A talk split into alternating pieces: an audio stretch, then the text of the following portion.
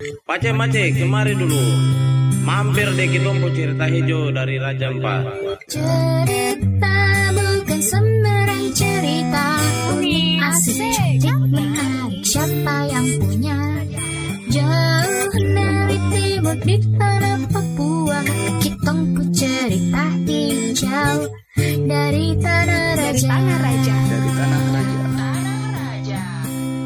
Kitong ku cerita hijau Dari tanah raja Dari tanah raja. Kitong ku cerita hijau Dari tanah Dari raja tanah raja. Assalamualaikum warahmatullahi wabarakatuh. Salam sejahtera untuk teman-teman KPCH di mana pun kalian berada. Kembali lagi dengan saya Ratna dari Kota Waisai, Raja Ampat. Hari ini saya akan berbincang-bincang dengan wanita tangguh di balik produk lokal khas Raja Ampat yang saat ini jadi tren cenderamata khas negeri Ribuan Pulau ini. Ana Roma, Septiana, Cuy. Halo Mbak Septi. Jadi gini teman-teman, Raja Ampat kan terkenal dengan pariwisata kelas dunianya. Tapi kalian enggak nggak sih, bagi yang pernah ke sini, kalian tuh nggak akan menemukan cenderamata khas Raja Ampat. Tapi setahun belakangan ini sudah muncul produk lokal Raja Ampat yang diberi nama produk lokal Mara. Mbak Septi, sebelum cerita lebih lanjut, Mbak Septi ceritain dong tuh gimana sih awal mulanya Mbak Septi nyantol sama produk lokal Raja Ampat. Maksud aku tuh apa dulu Mbak Septi sekolahnya ada hubungannya dengan kerajinan tangan kah? Atau gimana gitu? Di Raja Ampat lagi kan ya? Mbak Septi, cerita saja. Mantap, makasih nak waktunya. Jadi gini, sebenarnya nggak nyambung mbak, nggak nyambung banget kalau sama sekolahan. S1 aku di biologi, S2-nya di biologi lingkungan alias di ekologi. Jadi setelah aku lulus kuliah, terus jadi peneliti di ikan air tawar. Jadi bener-bener nggak nyambung sama produk lokal.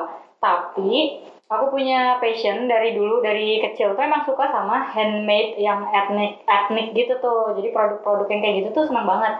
Nah, eh, karena aku penelitian tadi itu kan jadi peneliti, terus aku melakukan penelitian, alhamdulillah kesempatan untuk keliling Indonesia. Jadi Ih, setiap banget Mbak. Ah, alhamdulillah nah makanya. Nah, tiap keliling itu tuh pasti aku nyempatin waktu untuk berhenti di toko-toko souvenir atau cenderamata hanya untuk sekedar melihat produk kesenian apa sih yang mereka angkat jadi souvenir khasnya? Yang apa namanya eh, produk-produk tradisi apa sih yang punya apa namanya diceritain filosofinya di eh, souvenirnya yang kayak gitu-gitu tuh hmm, aku punya interest di situ. Nah sampai waktu itu hal yang paling menarik adalah waktu itu aku sempat lama di Lombok karena mau naik Rinjani kan waktu itu. Anak gunung juga nih, anaknya. Eh, Enggak, tipis-tipis aja. Cuman waktu itu karena lama di sana jadi kenal banyak teman-teman di sana, jadi tahu sampai jatuh cinta banget sama tenun.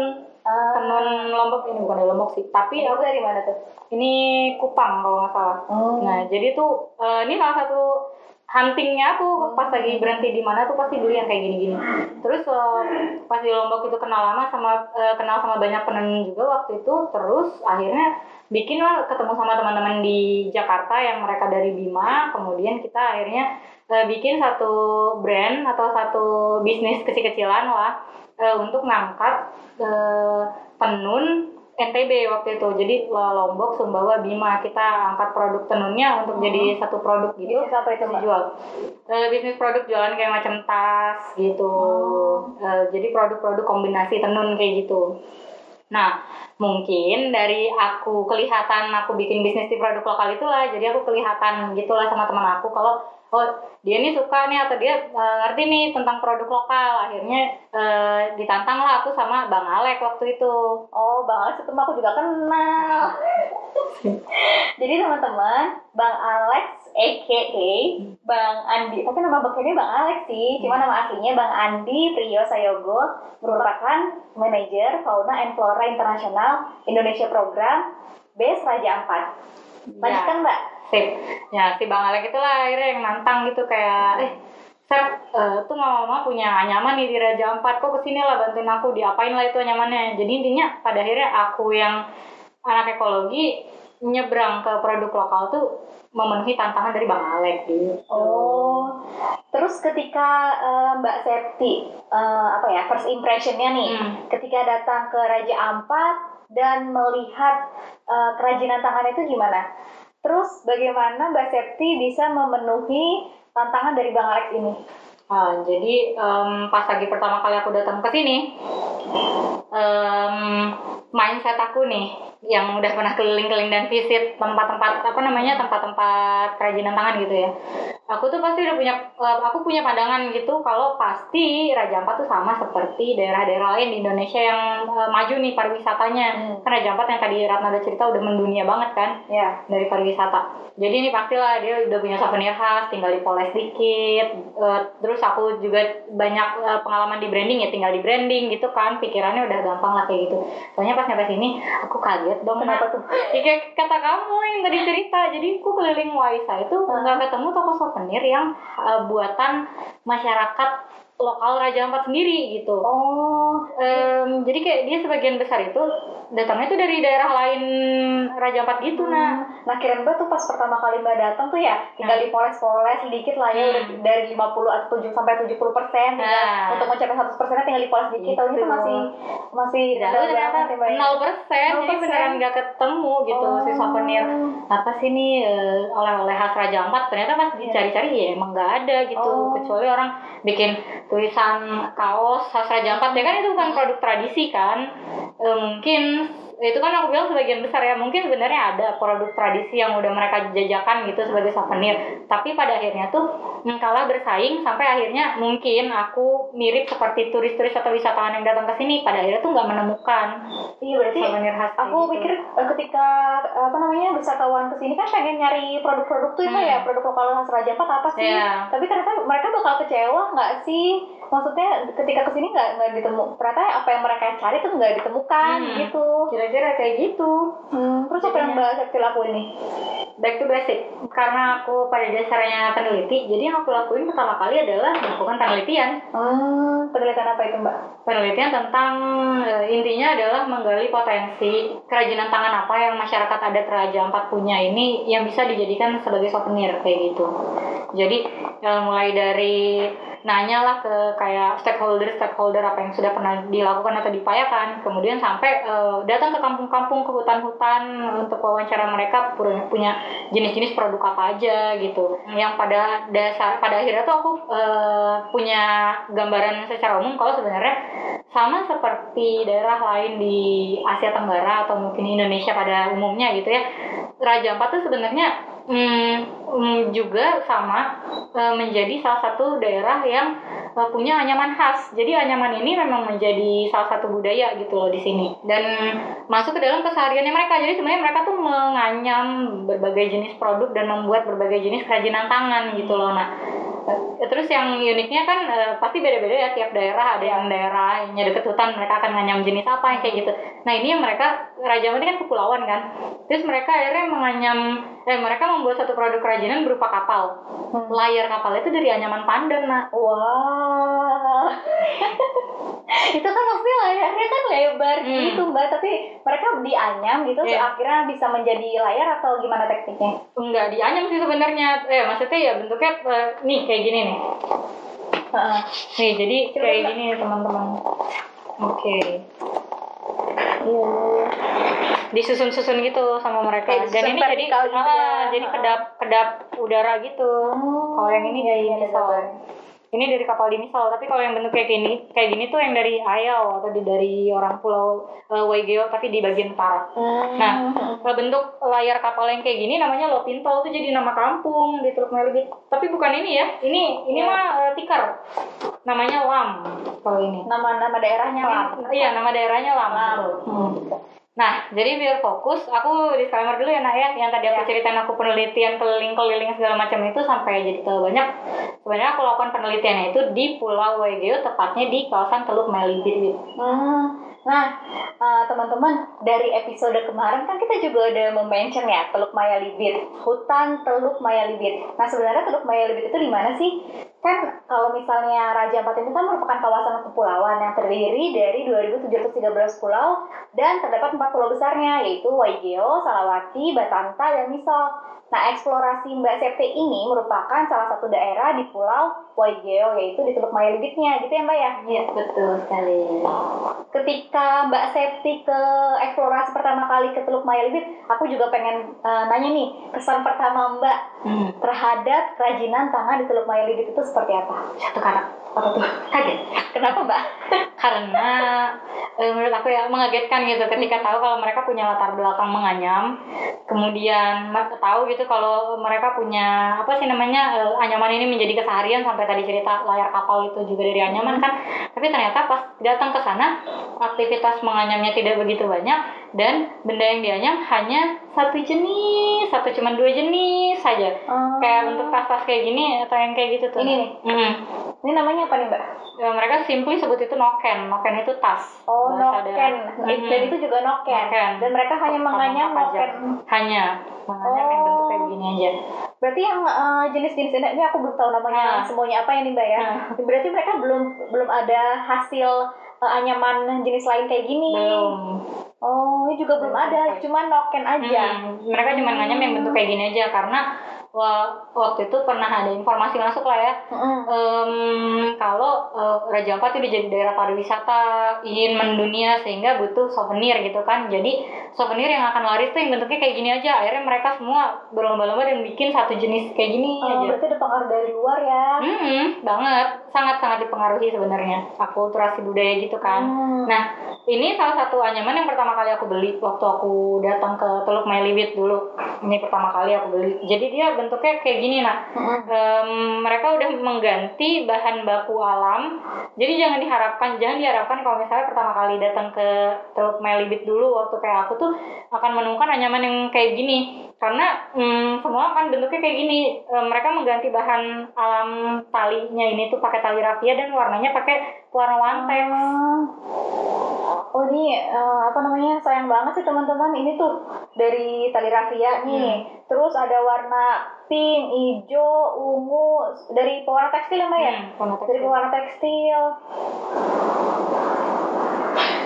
Ya, jadi kayak gitu. Nah, nah eh, yang bikin lebih deg-degan nih kan ya. Jadi warna-warni kayak gini. Ini juga ada tali plastiknya nih. Iya. Oh, karena aku tuh cuma di bagian situnya doang. Enggak.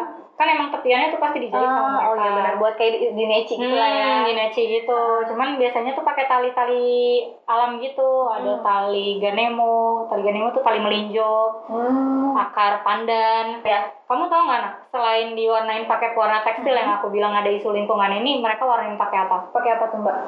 Pakai pewarna alam. Oh bisa pakai pewarna alam juga ya? Iya, warna alam tuh misalnya daun-daunan atau akar atau batang yang bisa ngeluarin Hmm. warna-warna, terus mereka aplikasikan ini di bahan-bahan bakunya, kemudian dianyam gitu.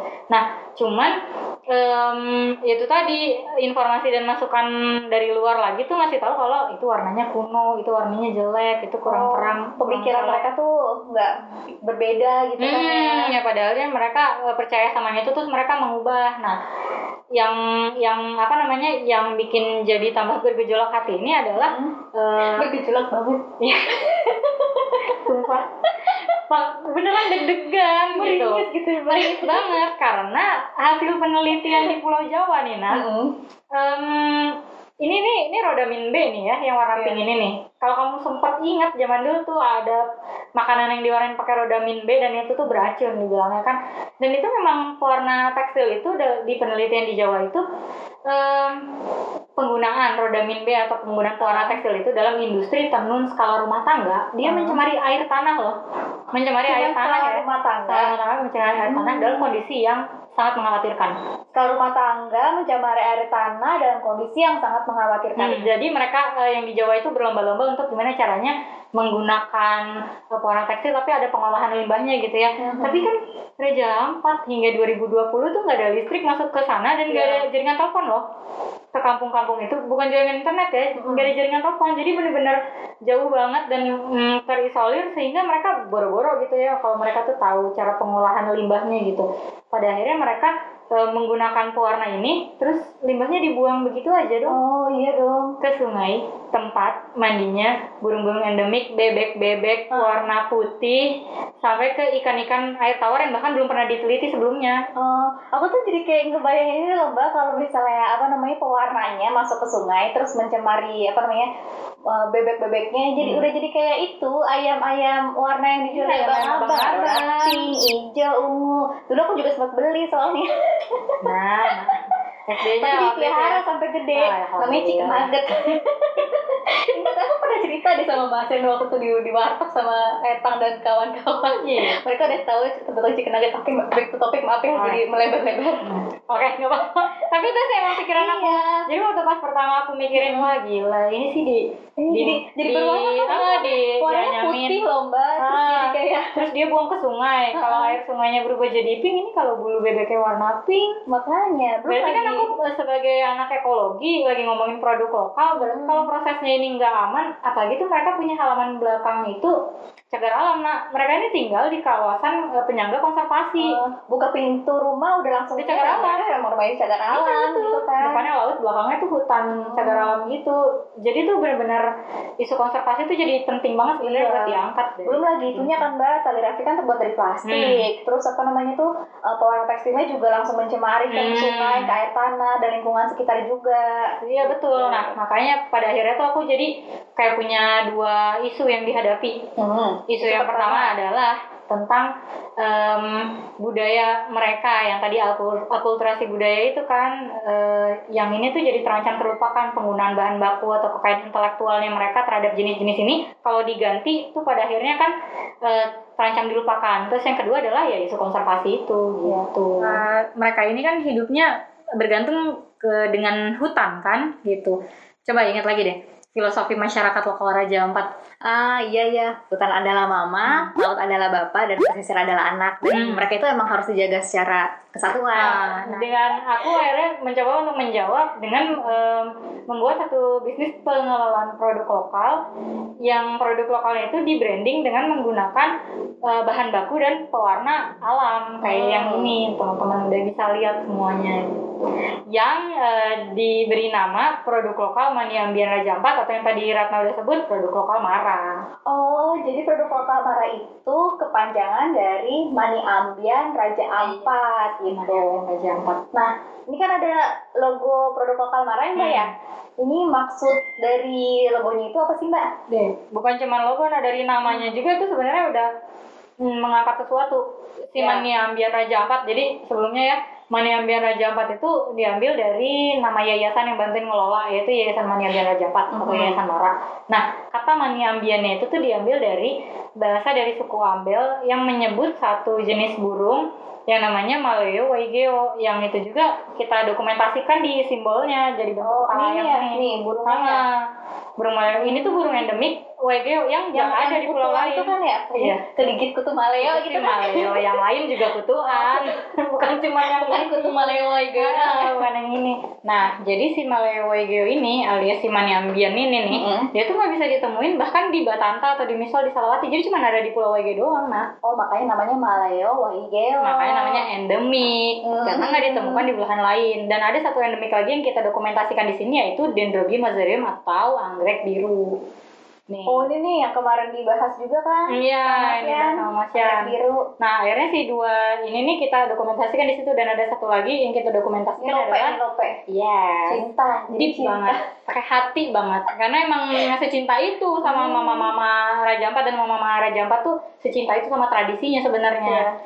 Nah, akhirnya kita jadi punya logo ini yang selain eh, mengangkat eh, isu livelihood tadi atau mengangkat misi alternatif penghidupan dengan membuat bisnis di produk lokal, tapi juga em, mem- memuat satu misi eh satu misi utama yaitu konservasi gitu karena punya latar belakang kawasan tadi gitu Dari logonya sendiri aja udah filosofis banget kan ya? banget banget Nah, tapi dipikirin banget emang berarti ini kan ngomongin eh, alternatif penghidupan ya? iya Atau bahasa kerennya livelihood nih. Yes. Itu berarti kalau misalnya livelihood ngomongin cuan. Cuan habis. Nah, kalau misalnya ngomongin cuan, Nah, berarti ba- banyak masyarakat yang tertarik dong ya. tentu tidak Kenapa itu? Enggak juga emangnya. Uh, karena mereka memang sebagian besar eh, apa sih namanya kayak dalam kehidupannya sehari-hari bisa dibilang practically nggak pakai uang dong. Justru mereka jauh lebih tertarik kalau misalnya kita angkat isu atau kita bilang eh, kita mau ngangkat eh, tradisi leluhur dari Raja Ampat supaya lestari atau itu yang supaya bisa dilihat sama orang lain supaya terjaga. Justru isu tradisinya itu yang bikin mereka jadi lebih tertarik dibandingin kita ini pakai uang. Hmm, berarti tuh mereka lebih tertarik ketika warisan leluhur mereka tuh diangkat ya Hmm. dan dipertahankan. Kalau dimingin pakai uang tuh nggak pusing sih orang-orang yang ada di teluk situ. Jadi mereka kalau mau sayur ya tinggal ke hutan. Kalau misalnya mau ng- nangkap ikan, ya udah tinggal di dermaga aja mereka udah makan. Jadi eh, uang tuh nggak nggak jadi kebutuhan primer kayak kita yang di kota gitu loh. Bahkan saking mereka nggak biasa pegang uang dan mengelola uang, salah satu misi dari produk lokal Maniambian Raja Ampat tuh tentang eh, finansial literasi. Wih, keren banget, Mbak. Tuh. Berarti mereka dapat edukasi juga tentang finansial literasi gitu ya. Hmm, jadi di situ. Hmm. Tapi gini nih Mbak, Hmm. hari gini nih ya, Hmm. eh, siapa sih yang nggak butuh cuan? Masih belum percaya nih. Kamu masih butuh Nah diyakinkan. itu. Butuh kepastian. Iya ya. Calling champion aja lah.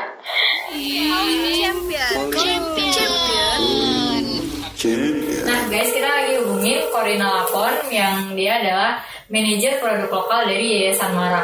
Jadi bisa dibilang dia adalah uh, perempuan paling berpengaruh juga uh, setelah aku dalam uh, jungkir balik banget nah ngurusin produk lokal Mara sampai kalau mau tahu ya dia tuh lagi hamil gede juga ikutan masuk ke hutan bareng sama aku. Wah, perjuangan besar banget Mbak. Parah. Halo. Halo, ini dengan Corina Lapon. Ya, betul sekali. Halo Corina, ini Ratna dari Kitongku Cerita Hijau. Di sini sudah ada Mbak Septi. Oh, Kak Septi. Yo. Kak Septi. Hmm. Ada apa? ada acara kan? Tidak. Ini Ratna lagi minta cerita ini. Kata Ratna gini, Kor. Eh, kita ku cerita di produk-produk lokal ini kata dia terada tantangan gitu. Coba kau cerita dulu gimana tuh tantangan-tantangan itu. Iyo, aduh, itu lagi. Dulu tom pertama turun ke kampung ini, hampir lagi tom tak usir ini. Tom turun ke sana pertama tuh kampung sepi, ada orang. Jadi saya nih pikiran suka kacau-kacau karena Mace Jawa ini sudah kan jauh-jauh. Sampai di sana begini, eh, terada yang mau untuk ini bikin nyaman.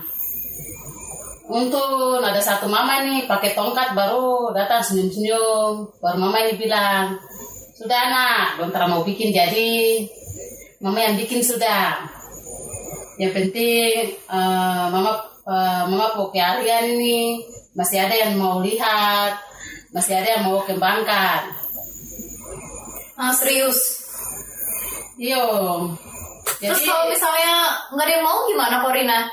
Iya itu eh, semua itu dari mama tongkat yang tadi.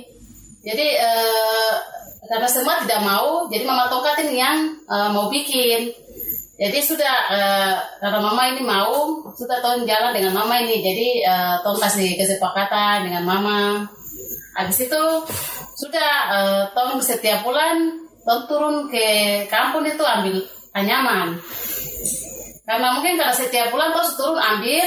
Jadi yang lain mama mama yang lain terus mulai lihat dong lihat. Jadi sudah dong datang tanya di mama ini mama tongkat? Mama tongkat lagi jelaskan.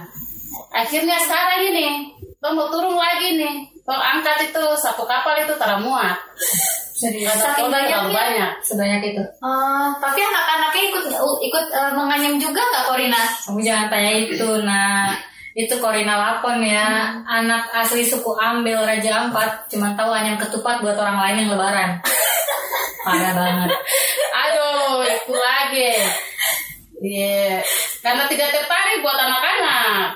Mereka saja tanya saja, dong bilang memangnya itu eh, ada yang mau beli kampung anyaman itu kan, laku kan? Ini sekarang ini yang eh, nyatanya tuh dompu istri-istri nih, soalnya baru mau pakai nih, baru mau ikut dompu suami-suami ke kota ini. Itu saja dompu suami nih marah-marah suruh kasih tinggal dompu tas itu. Kamu kayak kampungan saja bawa tas itu bikin apa kasih tinggal. Dibilang kampungan gitu. Iyo, jadi terpaksa dong kasih tinggal, dong bisa ikut dong dong suami kalau dong pakai di kota dong suami ini marah, malu. Jadi kata dia tuh jelek gitu kata mereka. Jadi kita punya sudut pandang tuh udah beda gitu nah dalam melihat satu produk yang kata mereka itu kampungan atau jelek menurut kita kan bagus gitu etnik apa apa ngangkat filosofi segala macam yang kayak gitu. Bahkan kita memandang warna pun itu juga jadinya beda gitu. Warna yang aku bilang keren banget tuh belum tentu dia bilang keren gitu. Nih, coba kau cerita deh yang waktu itu yang mama itu yang salah salah apa kasih warna itu. Iya, iya. Nah, jadi begini Ratna, ada satu cerita nih. Apa tuh? Eh, satu mama ini dia itu eh, sekarang dia kasih warna depo. Apa nih tikar tikar daun tikar ini sekarang dia pakai yang pertama itu dia pakai kunyit. Terus pakai kunyit habis itu dia pu belakang ini dia lupa cuci. Wajah ini dia lupa cuci. Terus dia lanjut lagi pakai eh, buah ringka itu untuk pakai rebus yang lain yang tadinya buah ringka ini warna merah Terus karena mama ini lupa cuci wajan itu, akhirnya warna bukan warna kuning, bukan warna merah, tapi warna orange. Ah, kuning sama merah jadi warna orange gitu Korina ya? Iyo, terus ini eh, mama ini pikiran sendiri nih karena warna, mama berpikiran ini warna ini jelek sekali. Jadi mama ini anyam, tapi aduh ini perempuan Jawa nanti dia ambil ke tidak ini karena mama berpikiran ini pokoknya jelek sudah. Pas datang terus eh, saya ke sana mau ambil mama kuah nyaman ini baru mama bilang begini aduh anak mama kuah nyaman ini warna nih terbaik terus mama cerita mama ada salah rebus itu dan lupa cuci wajan itu. Saya bilang "Ah, sudah mama saya ambil dulu nanti sampai sana baru perempuan Jawa itu dia lihat sudah aku bawa sudah. Boleh mungkin mati Jawa itu dia termawakan kah habis mama lupa cuci itu jadi. Sudah eh, bawa lagi ke kasepti nyaman itu. Terus kasepti sudah wow ini warna keren dan segala macam warna cantik. Terus eh, ya sudah bawa ke kasepti senang dengan warna itu. Pokoknya kakak Septi bilang itu warna bagus sudah paling bagus sudah paling indah pas kembali lagi saya kasih tahu ini buat mama ini. Mama mama punya nyaman ya mama pikiran-pikiran dengan kan itu di warna jelek dan segala macam itu. Mati Jawa itu dia semangat akan sekali dia bilang paling bagus sudah hah? Iya kah? Dia warna jelek begitu baru. Mati Jawa itu dia potak sebagaimana itu. Masih jauh?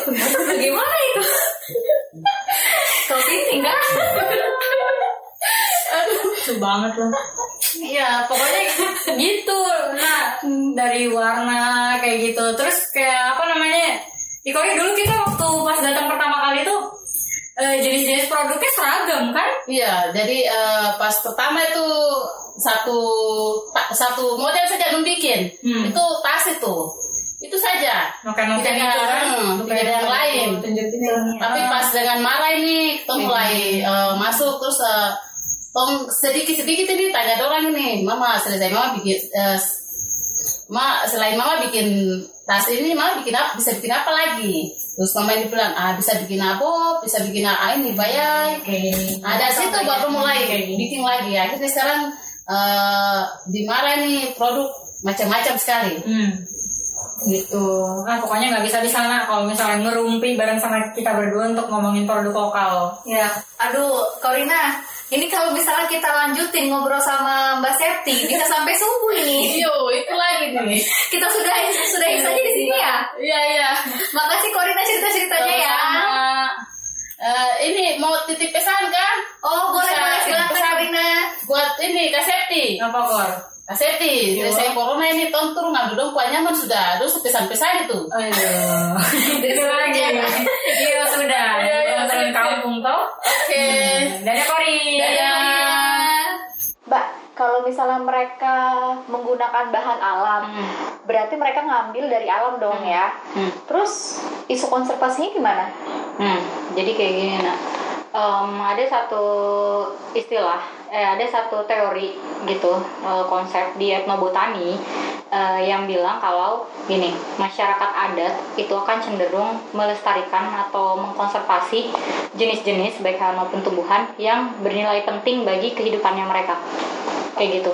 Jadi ketika mereka menggunakan kayak obat-obatan tertentu untuk misalnya mereka sakit gitu terus mereka menggunakan obat-obatan tertentu nah mereka akan melindungi jenis itu. Karena kalau sakit tuh mereka akan cari jenis itu gitu. Sesimpel kayak gitulah. Nah ternyata teori itu tuh eh, masih relate gitu sama yang aku temukan hasil observasi di eh, sepanjang aku melakukan apa namanya eh, penelitian di produk lokal ini atau mengembangkan isu produk lokal ini gitu Ini ya? aku ada cerita nih ya Ya, lanjutkan. ada ada satu jenis eh, buah namanya buah ringka yang tadi disebutin sama Corina. Oh, ya Buah kayak rambutan kan? ya. Nah, Kalau rambutan kayak teh gini. bulat, ini teh segitiga. Yes, betul. Nah, ini dalamnya ini nih kalau misalnya dipencet dia tuh eh, warna merah dan warna merah inilah yang dipakai untuk mewarnai pewarna nih kayak gini. Nah, ini jadinya. Hmm, cantik banget sih mbak natural Hmm. itu ya. Jadi dia kayak gini. Nah, dulu kan orang-orang pakai ini. Jadi ada satu pohon. Jadi ceritanya ada di satu kampung, terus ada satu pohon, pohon buah ringka ini nih eh, besar dan banyak buahnya gitu ceritanya tuh. Nah, mereka pakai untuk pewarna gitu. Nah, ketika si text atau pewarna tekstil ini datang ke kampungnya, eh, sehingga mama-mama yang anyam ini kan jadi nggak pakai lagi buah itu kan Ya. mereka jadi pakai text itu nah akhirnya si buahnya ini jadi banyak terus jadi nyampah di kampungnya terus anak-anak tuh kena lihat terus dia main-mainin dipakein warnain rambutnya jadi kayak bule gitu Oh, aku juga mau dong mbak itu buat tegas. boleh ya nanti kalau ketemu aku warnain Iya. oke nah terus akhirnya jadi mereka warnain rambut terus akhirnya si mama-mama ini kan jadi mikir ya aduh nih eh, apa sih bikin berantakan bikin kotor saja ini buahnya. Baru anak-anak nih duduk main itu saja kan. Akhirnya mereka tebang lah si pohon-pohon ringka itu. Jadi akhirnya di kampungnya tuh nggak ada buah ringka itu. Nah pas kita turun ke kampung terus kita minta untuk mama-mama ini make lagi buah-buahan itu gitu kan.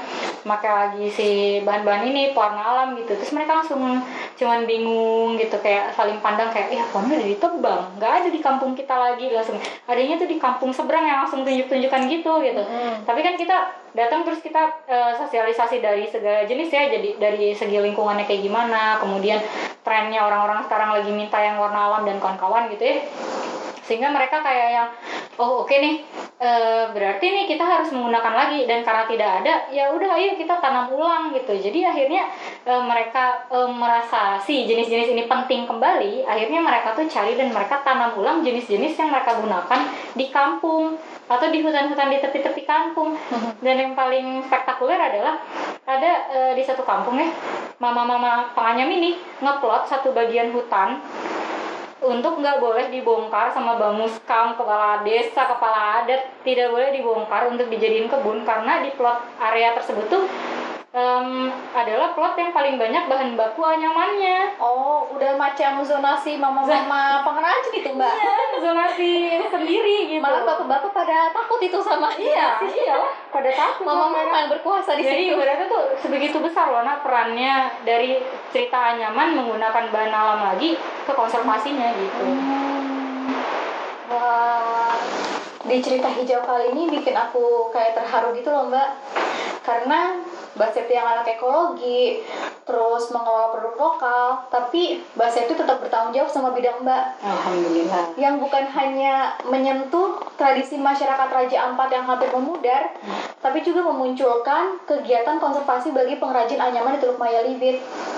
Dan yang sebenarnya aku nggak sadari juga teman-teman bahwa sebenarnya penggunaan bahan sintetis yang menggantikan bahan baku alam itu bukan hanya mengancam kelestarian lingkungan aja, tapi juga kelestarian budaya. Bahkan keahlian membuat berbagai macam anyaman pun akan memudar karena adanya akulturasi budaya dan perubahan sudut pandang akibat perubahan zaman. Sehingga bisa dikatakan bahwa Mbak Septi ini sedang memulai sesuatu dengan produk kerajinan Raja Ampat khususnya di Teluk Maya Libit.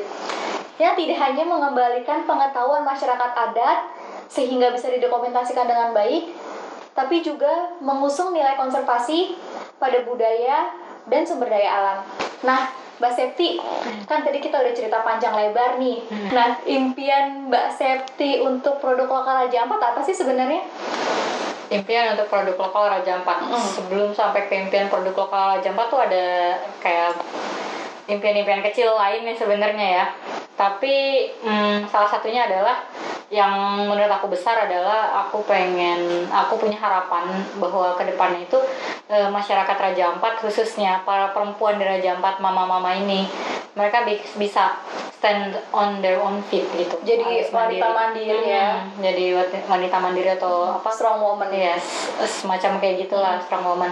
Eh, mereka eh, punya pemahaman di financial literasi, mereka Ih, tahu keren banget managing Mbak. itu uang. juga di edukasi finansial Iya, literasi. kita edukasi itu. Jadi harapannya tuh mereka pada akhirnya bisa mandiri sehingga bisa menjadi contoh untuk Hmm. anak-anaknya nanti. Nah, kalau misalnya mereka sudah menjadi contoh, pada akhirnya tuh anak-anaknya jadi terinspirasi dan mereka akan tahu kalau misalnya si produk lokal yang jadi alternatif penghidupan ini tuh bisa em, menyokong kehidupan gitu kan. Jadi pada akhirnya ke depannya eh, proses melestarikan tradisi budayanya ini nggak lagi di-trigger sama orang lain kayak misalnya aku si Mace Jawa ini gitu, Iya. tapi justru masih Jawa Hmm. Nah, tapi justru sama eh, mereka sendiri, sama Hmm. masyarakat Raja Ampat sendiri, termasuk anak-anaknya ini yang ikut melestarikan budayanya. gitu. Wah, eh, jadi kayak eh, anak-anaknya jadi bisa bangga ya terhadap Hmm. orang tuanya, terhadap Hmm. mamanya ini Iya, kan. dan termasuk terhadap eh, tradisi atau budaya dari leluhurnya mereka Iya. gitu. Eh, impian yang kedua adalah ini kan eh, satu inovasi yang sudah mulai digagas ya Nak ya. Dan ini tuh adalah hasil kolaborasi dari berbagai pihak. Jadi bukan cuma aku doang, bukan cuma Corina Lapon doang di sini. Hmm, sebenarnya banyak banget eh, pihak-pihak yang bekerja bersinergi bersama-sama untuk mengembangkan produk lokal masyarakat di Raja Ampat. Di antaranya tuh ada Balai Besar KSDA Su- eh, Papua Barat, kemudian ada Fauna Flora International Indonesia Program dan dinas pemerintah Kabupaten Raja Ampat tuh eh, benar-benar apa namanya eh, nggak kosong lah ibaratnya yang ngebantuin luar biasa. Mulai dari dinas Disperindak, DK, D- DKP, dinas UMKM dan koperasi, kemudian dinas kesehatan ya.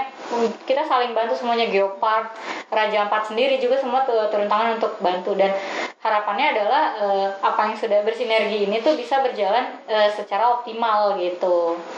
Kemudian eh, harapan kepada produk lokalnya lagi itu diharapkan bahwa ke depannya nih nggak mudah-mudahan muncul marah-marah yang lain di kawasan yang lain Oh, gitu. macam kayak eh, Mara di Salawati, Hmm. Mara di Batanta, Misol, Iya ya, gitu, ya. jadi muncullah si pengelola-pengelola produk lokal ini gitu karena ke depannya eh, diharapkan adalah akhirnya si produk lokal buatan masyarakat Raja Ampat ini muncul ke, ke permukaan, kemudian menjamur dan pada akhirnya menjadi tuan rumah di negerinya sendiri. Hmm, benar.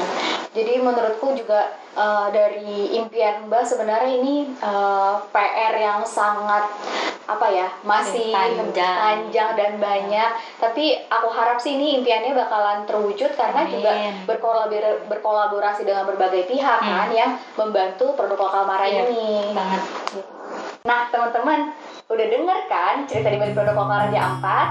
Bagi yang masih penasaran, silahkan tinggalkan pesan di kolom komentar ya. Please kindly like and subscribe our YouTube channel dan follow kami di Instagram @kitongpu cerita hijau untuk info hijau lainnya. Terima kasih. Kami tunggu testimoninya. Mbak, makasih nih udah datang ke Kitongpu cerita hijau. Aman. Makasih banget juga semuanya. Makasih teman-teman. Dadah. Bye bye. Pace Mace, kemari dulu. Mampir deh kita mau cerita hijau dari Raja Ampat.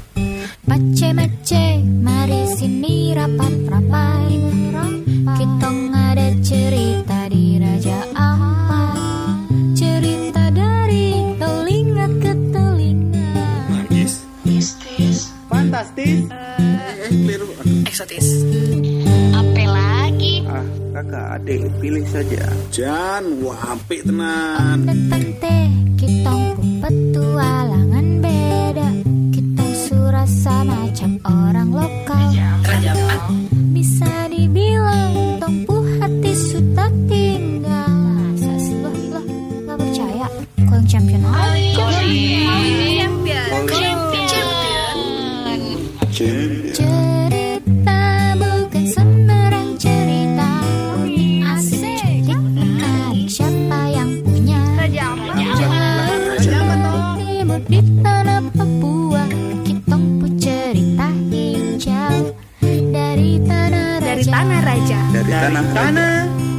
Raja. Kita cerita hijau dari tanah raja. Dari tanah raja. Tanah raja. Kita cerita hijau dari tanah raja. Dari tanah raja. Dari tanah raja.